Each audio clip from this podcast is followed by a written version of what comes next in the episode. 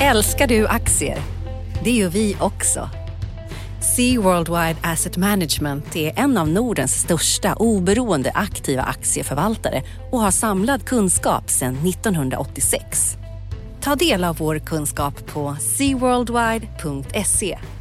Bokstaven C worldwide.se.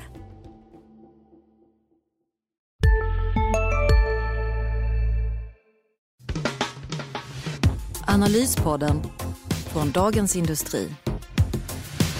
Hej och välkomna till Dagens Industris analyspodd. Jag heter Johanna Jansson och med mig här i studion idag den sista mars är Magnus Dagel. Just hej. det. Hej hej. Vi ska prata om i Analyspodden som alltid det som har hänt i veckan och det som händer i veckan som kommer. Och eh, vi har ett par riktigt tunga puckar i veckan som har varit, eller hur? Ja, det får man nog säga. Det har varit en rätt händelserik vecka. Ja, och det är, det är både det är Brexit, det är en ny rapport från H&M och sen så är det den spelutredning i Sverige som Mm. kommer på fredagen. Ja, just det. Och glöm inte bort Ericssons katastrof där. Katastrof för Ericsson. Ja, men allt det här ska vi gå igenom och sen också blicka lite framåt mot nästa vecka. Men jag är nyfiken på det här med spelutredningen. Jag vet att du Magnus har stått i tv-studion idag och pratat om det här. Kan du berätta för mig vad det här handlar om?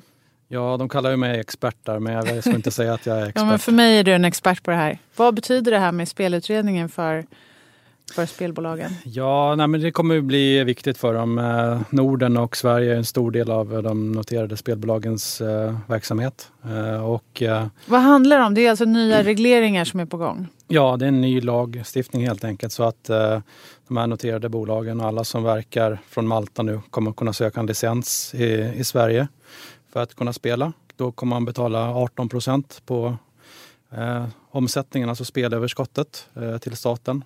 Så det, det kommer ju få konsekvenser. Så då kommer ju de flesta vilja spela på de här i licenssystemet. Och de räknar ju med en slags kanalisering säger de då, alltså att 90 procent av, av spelandet kommer gå genom licenssystemet. Då. Så det kommer bli... Eh, Och 18 procent, det var i linje med förväntningarna. Det var ungefär vad man hade räknat med. Eller? ja, det har ju läckt en del och det, det verkar som det... De har skickat ut trevare för, kanske Ja. också för att se.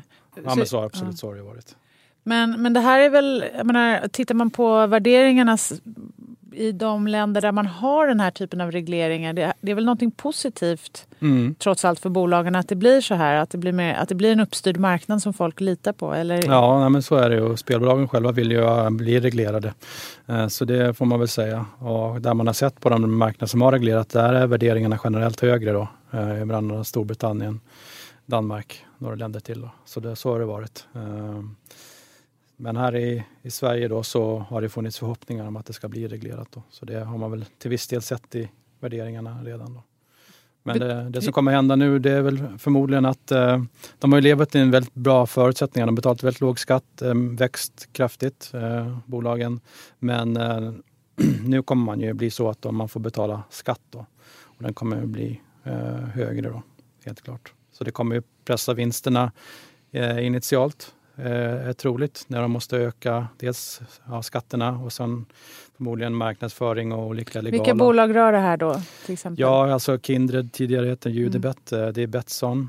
Även alltså leverantörerna av spelutrustning och mjukvara, alltså Evolution Gaming och Net Entertainment kommer ju också bli tvungna att söka en licens. Då, så det är en, en lite nytt i utredningen. Då. Så det kommer påverka, kommer påverka alla noterade spelbolagen. Då. Men eh, positivt, de kommer, vinsterna kommer gå ner kortsiktigt men de kommer å andra sidan regle, eh, verka en reglerad laglig miljö. Då. Så ett- långsiktigt positivt. Men betyder det att man, vad tycker du, ska man ha de här spelbolagen i, i sin portfölj? Eller? Ja, det, det är en bra fråga. Jag tycker kanske kan ha något liten exponering mot den då, för det är ändå en bra bolag, det ger bra utdelning, eh, vinsterna växer. Eh, men samtidigt är det ju stor osäkerhet nu vad som kommer hända med, med vinsterna i Sverige och kanske övriga Norden då. Mm, I alla fall särskilt kortsiktigt. Ja, kortsiktigt, de närmaste två, två, tre åren då. Eh, hur mycket det kommer kosta så att säga. Mm. Så lite försiktigt. Inte, Ja, inte, ingen klockren... Eh, Nej, det är inte så man ska Nej. kasta sig över dem. man ska inte ha hela portföljen i spelbolag tycker Nej. jag. Nej. Men liten exponering Men, tycker jag man ska men, ha. men så, du tänker ju ofta så med liksom spridning över en portfölj. Mm. Man ska inte göra samma sak med alla sina pengar. Vad, vad säger du? Man, man ska inte spela, du skrev om det nyligen. Jag ska inte köpa trisslotter. för mina pengar. Men jag, vad, vad, ska jag göra istället för att få mina 25 000 i månaden om jag hoppas på det som trissvinst? Just det, jag skrev en artikel om det ja. i, i veckan. Där. Uh, nej men precis, uh, jag skrev ju att spel är ju en extra skatt på människor som inte förstår statistik. Och så är det till viss del. Man bör lägga sina sparpengar istället för uh, lotter och spel bör man investera i bolag som ger utdelning tycker jag. Det är mycket mer lönsamt över tiden. Mm. Men och då hade du en bra portfölj här hur man då skulle kunna... För det är ju en ny trend det här med att bolagen faktiskt delar upp utdelningen över året. Det inte bara kommer en klumpsumma. Så att Nej, precis. Man skulle, du fick kämpa en del berättade Ja, det, det, var rätt jobbigt att sätta ihop det där så att man fick utdelningar mm. varje månad. Men det gick faktiskt med, med lite preferensaktier, med lite vanliga stamaktier och lite utländska amerikanska aktier. Också. För där gör de det i högre grad, delar upp ja. utdelningen över året? Ja, mm. precis. Det, I Amerika är det fyra gånger per år då, vanligtvis. Mm. Då. Men det gick faktiskt att sätta ihop det där så då kan man få utdelning varje månad. Jag behöver en ganska stor pott så jag måste först vinna på Triss, en sådär en 3-4 miljoner och sen kan jag göra det här. Det räcker eller? faktiskt inte. Det, det inte ens det. 7,4 miljoner för att få Ja, du ser.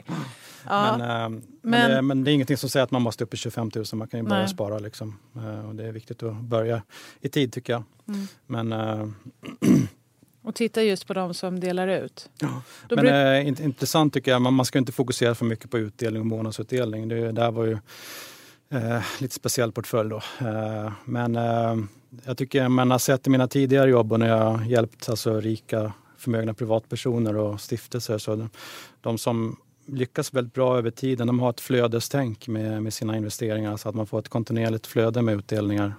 Det kan vara fastighet, det kan vara utdelningsaktier, det kan vara lön, det kan vara något annat. Att man får hela tiden ett flöde med pengar som man kan återinvestera i marknaden. Alltså, ofta när aktier är pressade och då har man ett, kan man gå in helt enkelt och köpa mer. Så att man bryr sig inte så, så mycket om nedgångarna utan man har ja, man har ett flöde med pengar som man kan utnyttja nedgångarna. Så man ser egentligen nedgångarna som något positivt. Mm. Det är sätt jag har sett på många framgångsrika investerare. Så det kan vara ett sätt att tänka. Mm. Det låter klokt. Några som brukar ha höga utdelningar är ju familjeägda bolag. Mm. Hade du med H&M i den, den här 25 000 kronor i månaden-portföljen förresten? Ja, det har jag för mig att den var med ja. där. De har ju delat upp utdelningen. Ja. Just det. Men, men de är lite pressade nu. Det var ju en eh, H&M kom med rapport i veckan för första kvartalet i sitt brutna räkenskapsår, eller hur? Mm, just det. Ja, och den var ju bättre än befarat. Alltså den, mm. eh, bättre än analytikerna hade räknat med. Men reaktionen på börsen blev ju inte särskilt positiv trots det. Nej, den gick ju ner kraftigt. Ja. Fortsätter ner idag då på fredagen. Mm. Ska man våga? Jag har hela tiden gått och tänkt så här, men nu ska jag väl ändå köpa H&M. Nu är det nerpressat. Hur, hur tänker du? Vad, hur ser du på H&M? På jättelång sikt till pensionen ska jag nog ha exponering mot H&M. Jag tog fram en portfölj för några månader sedan om en, alltså tio aktier för tio år. Då tycker jag man kan ha lite exponering mot H&M. Det är fortfarande ett fantastiskt bolag med mm. väldigt hög avkastning på kapitalet. Jag växer ändå. Men de har, de har ju utmaningar. Varför är det så himla struligt? Försäljningen första kvartalet var, den visste man ju om redan för att man får den här månadsförsäljningen att den inte var särskilt hög och inte tillräckligt hög än så länge för att nå upp till de här målen som de har satt upp då om en försäljningsökning mm. för helåret på vadå, 10 till 15 procent. Mm. Och sen så kom det då marsförsäljning på det som var liksom åt det svagare hållet. Mm. Varför är det så himla, vad är det som inte funkar? Ja du, det är 10 000 kronors frågan. Ja. Eller 25 000 kronors frågan. ja, just det, precis. uh, handlar du själv på H&M? Nej, alltså det var, och det var faktiskt en fråga, när jag ställde den här frågan till någon då som handlar mer på börsen än vad jag gör och jag sa så här, ska jag nu köpa hm aktier eller inte? Då svarade den här personen, men du, handlar du själv på H&M? Vad tycker du om, sån här Warren Buffett-fråga ungefär, mm. vad tycker du egentligen om konceptet? Och jag, alltså jag är tveksam till de här nya varumärkena som de nu ska trycka ut. Men det här är ju då som sagt bara som konsument så är jag tveksam. Jag förstår inte hur, eh, jag förstår inte riktigt skillnaden mellan det här nya arket då som mm. de ska ha som ska bli lite mer, pris, eh, lite mer högre prissatt eh, kollektion och eh, annat som de har gjort som är Kossen och Other Stories och sådär. Så att, jag har lite svårt. Och det jobbiga då som eh, bosatt i Sverige och Stockholm är att jag tycker att H&M, en av H&M's främsta konkurrenter Inditex gör det här relativt sett bättre. Mm. Man vill gärna ha H&M i portföljen som svensk. Varför verkar det gå bättre? Eller det går ju bättre för Inditex Mm, med, med deras undermärken då Sara, Uterke, Massimo Dutti och så vidare. Mycket valuta där, Ja. får man inte glömma bort. Men, Nej, det är sant. men visst, så är det. Så det, jag vet inte. Jag, som sagt, min eh, hobbyanalys av det här, är, mitt svar blir jag vet, jag är tveksamt. Och det verkar ju som marknaden reagerade tveksamt också. Det är mycket internationella Mm. investerare som nu backar från H&M, är det så? Ja, ja, men så är det ju. Jag tror ju någonstans att eh, Zalando har förstört marknaden för H&M. Eh, Ja, Kinnevik, Zalando. Ja, Mm. de är ju huvudägare Mm. precis. eh, Som utvecklas väldigt bra då. Zalando får man ändå säga. H&M var ju länge prisledande för alltså billigt mode. Mm. Men nu har Zalando kommit in här och växer väldigt kraftigt. Jag, jag tror att man har varit för sen att ställa om Och de kör bara online. Ja. Ja, bara online. Ja. Så de har varit, H&M har varit lite för sena att ställa om här Mm. och tvungits investera väldigt mycket. Och man kommer fortfarande från det här gamla butikskonceptet. Då. Det, var ju, det var ju bara ett kvartal sedan man ändrade målet, alltså att, att ha ett butiksöppningsmål. Helt Just det. enkelt. Så ja, jag tror det tar ett tag till- på kortare sikt. Ja, VD Carl-Johan Persson sa i en intervju här i veckan att de ligger inte alls efter online. Men, Mm. men det är ändå det, den uppfattningen man får. Ja, tycker ändå man får när man pratar med folk. Skulle man kunna jämföra det här som H&M går igenom nu? Det är verkligen en digital utmaning. Lite konstigt egentligen Mm. kanske. Tänker man, man tycker Sverige ska vara så långt fram när det Ja. gäller digital utveckling och så släpar en av våra nationalklenoder efter på det här sättet. Kan man jämföra med någon annan bransch som... Jag funderar på det, men lite väl så bankerna tidigare för, eh, som kom också från en annan miljö. Så kom internetmäklarna med rena internetplattformar, kom in och konkurrerade. Man såg eh, andra onlineaktörer som kom från en helt annan bakgrund och som inte har eh, de här stora banksystemen. Ja, som typ Avanza Ja. och Nordnet. Ja, och, mm. Ja, vissa, Men där har väl ändå marknaden låneaktörer. satt sig lite? Ändå Ja, på nu sätt. Börjar det bankerna, komma. börjat, ja, bankerna börjar ta lite mer, de stora traditionella bankerna då, börjar ta lite mer plats. ja, digitalt. Nordea ligger ju bra till. Ja. SEB verkligen har satsat mycket på digitalisering och Mm. börjar kunna hota dem nu. Så kan de lära H&M någonting kanske? Ja, Ja, det är ju inte alls samma bransch, Nej. men det är ändå en liknande strukturomvandling. mm, att det tar tid kanske. H&M då, för att knyta ihop eh, shoppingkassen, utmaningar på kort sikt men möjligheter på längre sikt helt enkelt. Ja, det ska jag nog säga. Ja. Ja. Det beror på vad man vilken tidsperiod man investerar på och vad man använder pengarna till. Mm. Man ska inte gå all in som vanligt ändå. Nej, man kan ha en liten del i en Mm. välspridd portfölj. Det är fortfarande bra utdelning tycker jag i H&M, men över 4 direktavkastning. och så. Mm. Jag kanske ska våga då. Vi får se. Jag får ta Ja. en, en tur på stan först och se hur det känns. Alltså H&M då, om man ska studsa över och Zalando är, är ju stora i Tyskland. Och jag har skrivit en del om eh, EU-konjunkturen. Det är svårt Ja. det här med Europa. Sverige är ju en del av Europa också. Men jag har skrivit apropå inför det här eh, symboliskt viktiga Brexit-ansökan som. England skickade in i veckan så skrev jag om utmaningarna för EU på lite sikt. Det är mycket mörka rubriker om EU nu och det är rimligt. Det är väldigt hög politisk oro och osäkerhet. Men bakom allt det här så går ju faktiskt konjunkturen bättre och det är ganska tydligt om man tittar på de 27 till 28, om man räknar med Storbritannien, EU-länderna, att eh, det har vänt upp. Och det som är positivt faktiskt, det är eller det beror kanske på vem man frågar, men det som är positivt är att det är inte bara det här tyska dragloket som ångar på, utan det är också så att de här mindre länderna som har haft lite problem Mm. också har tagit lite fart, även om det är från låga nivåer. Så att en lite bredare förbättring och de gynnas Sista dagarna nu på vårens stora season sale. Passa på att göra sommarfint hemma, både inne och ute. Och fynda till fantastiska priser. Måndagen den 6 maj avslutar vi med Kvällsöppet i 21. Välkommen till Mio. Hej, Synoptik här. Visste du att solens UV-strålar kan vara skadliga och åldra dina ögon i förtid? Kom in till oss så hjälper vi dig att hitta rätt solglasögon som skyddar dina ögon. Välkommen till Synoptik av, det har varit, de har en svag valuta som gynnar exporten. De har centralbanken som blåser på ordentligt. Eh, som försöker pressa ner räntorna då, så att det blir lite lättare för konsumenter och hushåll som kanske har varit högt skuldsatta. Så att, eh, och sen har man då också en viktig grej som jag tycker kommer bort lite ibland när vi pratar om det här med internationell konjunktur i Sverige. Och det är att Kina faktiskt, och Kina och Asien gick bra under 2016 efter att ha varit lite skruttigt dessförinnan. Mm. Så det kommer nog bli himla viktigt här framöver också hur Kina går. Vad tycker du om eh, Brexit-beskedet nu? Jag vet att du har fått massa frågor om det i veckan. Ja, precis. Jag har pratat om det så mycket så jag nästan eh, har vill... blivit hes. Men eh, först så tänker man så här, vad spelar det för roll? Det har ju inte hänt så mycket i... Vad har hänt? Liksom, Londonbörsen är upp 15 procent sen brexitomröstningen. Eh, räntorna har inte stuckit iväg uppåt som, man hade, liksom, som vissa trodde. Att det skulle bli någon riskpremie på långa brittiska räntor. Så what's the deal? Liksom. Får det någon effekt tror du på Storbritannien? Här? Det tror jag. Och framförallt så känns det historiskt viktigt när de ändå gör det här. Inget annat land har någonsin gått ur EU. Storbritannien har varit EU-medlemmar i 44 år. Så det är inte så att man det är klart att det har betydelse. Men det har inte hänt än.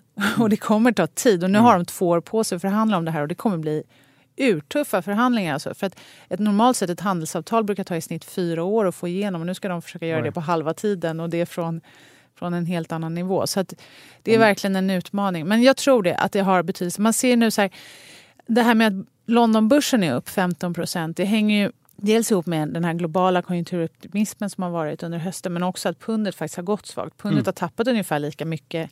Men pundeffekten slår ju också, den slår på ett sätt mot företagen. Det är bra för exportföretagen. Men inte riktigt lika roligt för konsumenterna. Ja, just det. De som vill handla på Zalando, om de nu vill det, det blir mm. dyrare för dem. Just det. Så, eh, så att man ser också att företagsförtroendet är upp men konsumentförtroendet är faktiskt ner. Och det är konsumtionen som har drivit brittisk ekonomi ganska hårt de senaste åren. Så att det blir lite mer motvind för Storbritannien eh, av de skälen framöver. Mm. Och till det kommer då att eh, regeringen med Theresa May då måste koncentrera sig på de här tuffa förhandlingarna. Hon ska förhandla både med EU, hon ska försöka hålla Skottland och Nordirland någorlunda glada under tiden och hon måste hålla eh, falanger inom sitt eget parti på armlängds avstånd i det här. Så att, eh, det, blir, eh, det blir lite tuffare för Storbritannien. Det finns ju många svenska bolag som eh, det är svårt att veta riktigt hur det här slår. Men vi har ju de här kökstillverkarna som finns i Storbritannien. Vi har eh, några andra kemiteknikbolag och sådär. Men man får, jag tror man ska hålla koll på pundkursen lite för att se mm. hur man tror att det går. Det blir intressant. Vilket blir mm. nästa land att lämna EU då? Alltså jag är inte så supernegativ egentligen till EU. Jag tror att det här kan vara en välbehövlig liksom, nystart. Och jag är inte så rädd för att EU ska gå fram i olika hastigheter. Mm. Euroländerna kan gå vidare med integration och de andra kan vänta, vänta lite eh, bakom. Men om man tror att det blir fler som går ur, eller i alla fall väljer att gå ur EU som det ser ut idag då tror jag, då tycker jag, eller så här, jag tycker nog att EU skulle kunna sparka ut Polen om de inte skärper till sig. Med, mm. liksom att de går åt helt fel håll nu när det gäller demokrati och synen på, synen på demokrati. Ja, om något av de här länderna som håller på att stöka nu, Frankrike med presidentval och Tyskland och som också ska ha val och sen Italien, ja, då tror jag Italien. Mm. Men eh, det, det är ett stort om. Vi får se. Ja.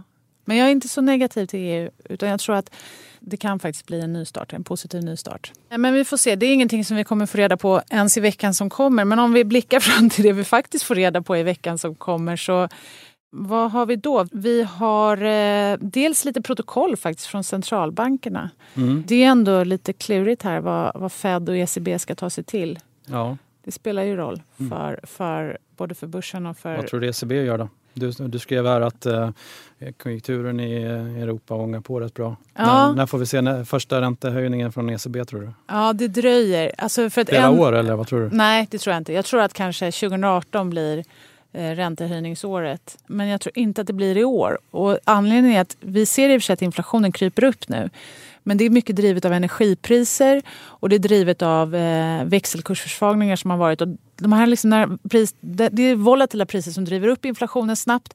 Men sen kan de också putta ner inflationen snabbt. Det var precis det som hände 2010, 2011, 2012 när ECB och Riksbanken gick ut och höjde lite för tidigt. Mm. Och jag tror att de är skrajade för att göra samma misstag. För då hamnar de i den här soppan som de har varit i senaste åren. Där de Så liksom du menar att, de, att, att inflationen kommer gå ner snart igen? Ja, alltså den är på en uppåtgående trend. Men den här mm. stora skjutsen uppåt som vi har nu, den kommer slå tillbaka igen. Om man ska titta på den underliggande inflationen och rensa för energipriserna för att förstå vart inflationen är på väg med långsiktigt. Mm. Så det, och då, då är den svagt på väg uppåt men det är liksom ingen brådska att höja räntan. Nej. Och sen så tror jag också att de, det är klart de tittar på de här Europavalen. Mm. Det är presidentval i Frankrike i maj, det blir viktigt och sen då parlamentsval i Tyskland i september, också viktigt. Just det. Men, li, men, lika viktigt som inflationen är, det är ju egentligen vad realräntan är i, ja. alltså både Sverige, Europa Precis. och Storbrit ja, mm. Storbritannien och eh, USA. Då. Mm. Uh, och där har vi sett under många år att den har trendat neråt. Alltså att precis, nominella, alltså räntan minus inflationen. Ja, ja. ja precis. Uh, varför tror du det är så? Ja, men det finns flera anledningar. Och det här har man pratat om ganska mycket länge, särskilt bland akademiker. Då, att den här liksom, trenden neråt i räntan det, beror på, det kan bero på flera faktorer. Det kan bero på demografi, vi blir äldre.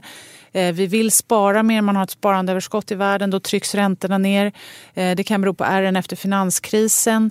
Eh, ja, eh, och många sådana saker. Det beror på att vi har liksom en strukturellt lägre tillväxttakt. Man kan tänka så här, räntan på lång sikt ska vara ungefär vad tillväxten är på lång sikt. Mm. Och har vi en lägre tillväxt då får vi också en lägre ränta. Så att, det var ehm, eh, en av våra skuggdirektionsmedlemmar, John Hassler, skrev en debattartikel om det här med effekten av låga realräntor i DN eh, för någon vecka sedan. Mm. Och då, det var intressant. Ja, precis. Ehm, då, då sa han just det här att vi måste vänja oss vid låga realräntor. Menar, även om inflation... Och därmed låga räntor? Exa ja, ja, precis. För det som är klurigt egentligen, om man tittar på man, historiskt, då, låga realräntor har liksom varit mer mer regel än undantag mm. sedan 1850-talet. Mm. Det är bara att skillnaden nu är att nu är både räntan och inflationen låg. Tidigare har både räntan och inflationen varit hög. Skillnaden mm. mellan dem har varit lika liten som den är idag. Så realräntan har varit låg förut men, men det som är det nya då är att eftersom inflationen är låg så är också de nominella räntorna låga. Det är det som är lite klurigt. Men de menar då så här, vi måste bara vänja oss vid det här. Lågränteläget? Lågränteläget och därför så måste man ändra på, då måste man kunna hantera det och då måste man, det, det hjälper liksom inte att tjata på Riksbanken och höja räntan för de kan inte göra så mycket. Det, det, det, är liksom så långa trender som, som de inte råder över. Och då är ju såna grejer som ja, ändra spelreglerna på bostadsmarknaden till mm. exempel, mm. underlätta för folk att alla kanske inte ska låna för att, bo, för att köpa bostäder. Det ska bli lättare att hyra. Just det. Ehm, jag tyckte om... en annan intressant, det var ju du som skickade mig den här artikeln och tipsade om den. Det var ju det här med att de hade ett förslag om att pensionsbolag borde få köpa hyresfastigheter och hyra ut. Mm. Bättre att få avkastningen på det sättet än att tvingas köpa dyra svenska mm. långa statsobligationer som ger noll i avkastning. låter ju fantastiskt. Ja. Jag kan inte ens komma på vad skulle vara nackdelen. Jag vet inte. Ingen. Nej, eller hur? Men eh, nej, så det, var, det var många intressanta grejer i den och jag tror att det är bra att man tar upp de här grejerna till och pratar om det. För just bostadsmarknaden är ju ett orosmoment i Sverige. Just det. Men om konsekvensen av om han får rätt att räntorna förblir, realräntan förblir låga under överskådlig framtid, det, det, kommer ju få konsekvenser alltså på tillgångsvärden, alltså aktier, fastigheter kommer ju vara fortsatt dyra då. Ja, alltså precis. Men jag vet inte, vad säger du? Om, om realräntan är fortsatt låg men den blir lite högre än idag. Förstår du vad jag menar? Alltså, mm. Trenden är nog fortfarande uppåt fast den kommer vara fortsatt låg. Mm. Det kan ju fortfarande bli, istället för den multipelexpansion som vi har haft de senaste åren skulle det kunna bli en liten multipelkontraktion fortfarande mm. även om den inte blir dramatisk. Mm. Vad säger du? Du är bra på fastighetsbolagen. Ja, jag tror man oroar sig lite för mycket men skulle det bli en kraftig uppgång i realräntan mm. så skulle det vara negativt för dem. Det kan man mm. säga.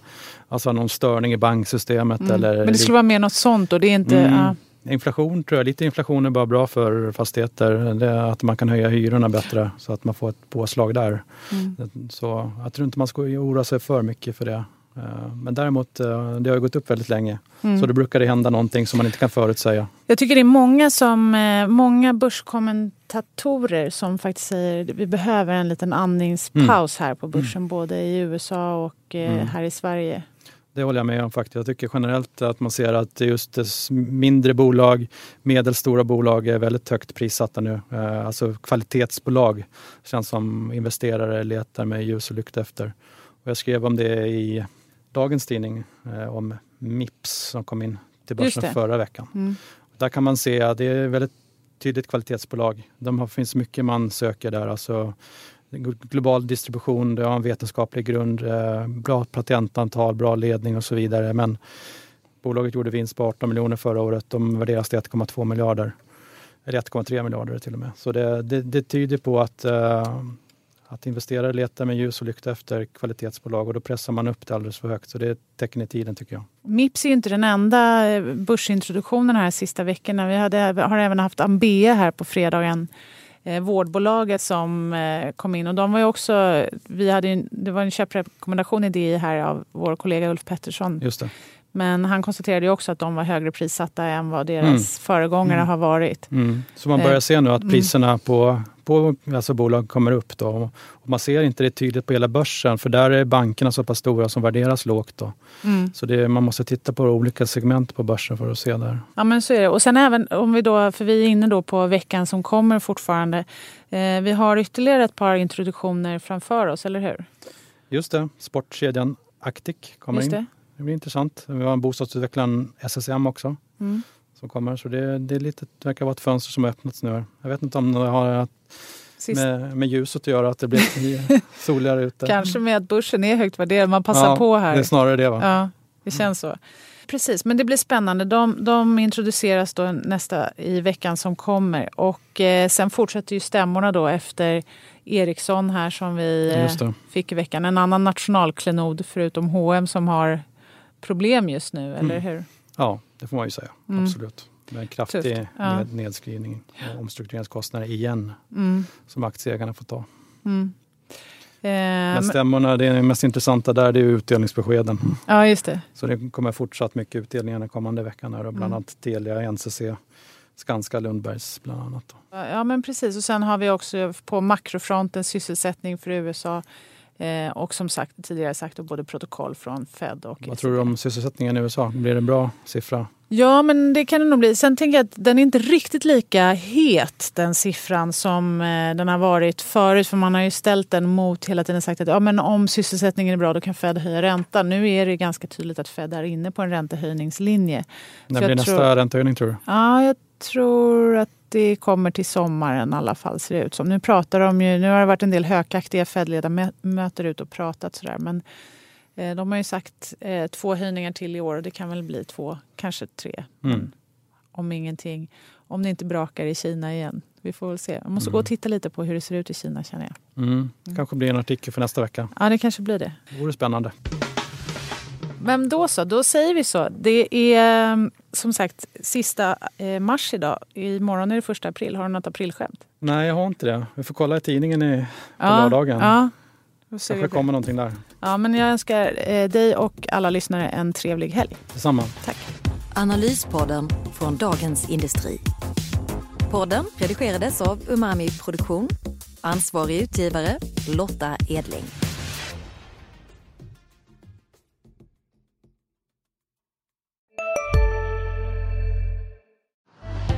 Älskar du aktier? Det gör vi också. Sea Worldwide Asset Management är en av Nordens största oberoende aktiva aktieförvaltare och har samlad kunskap sedan 1986. Ta del av vår kunskap på seaworldwide.se. Bokstaven C, worldwide.se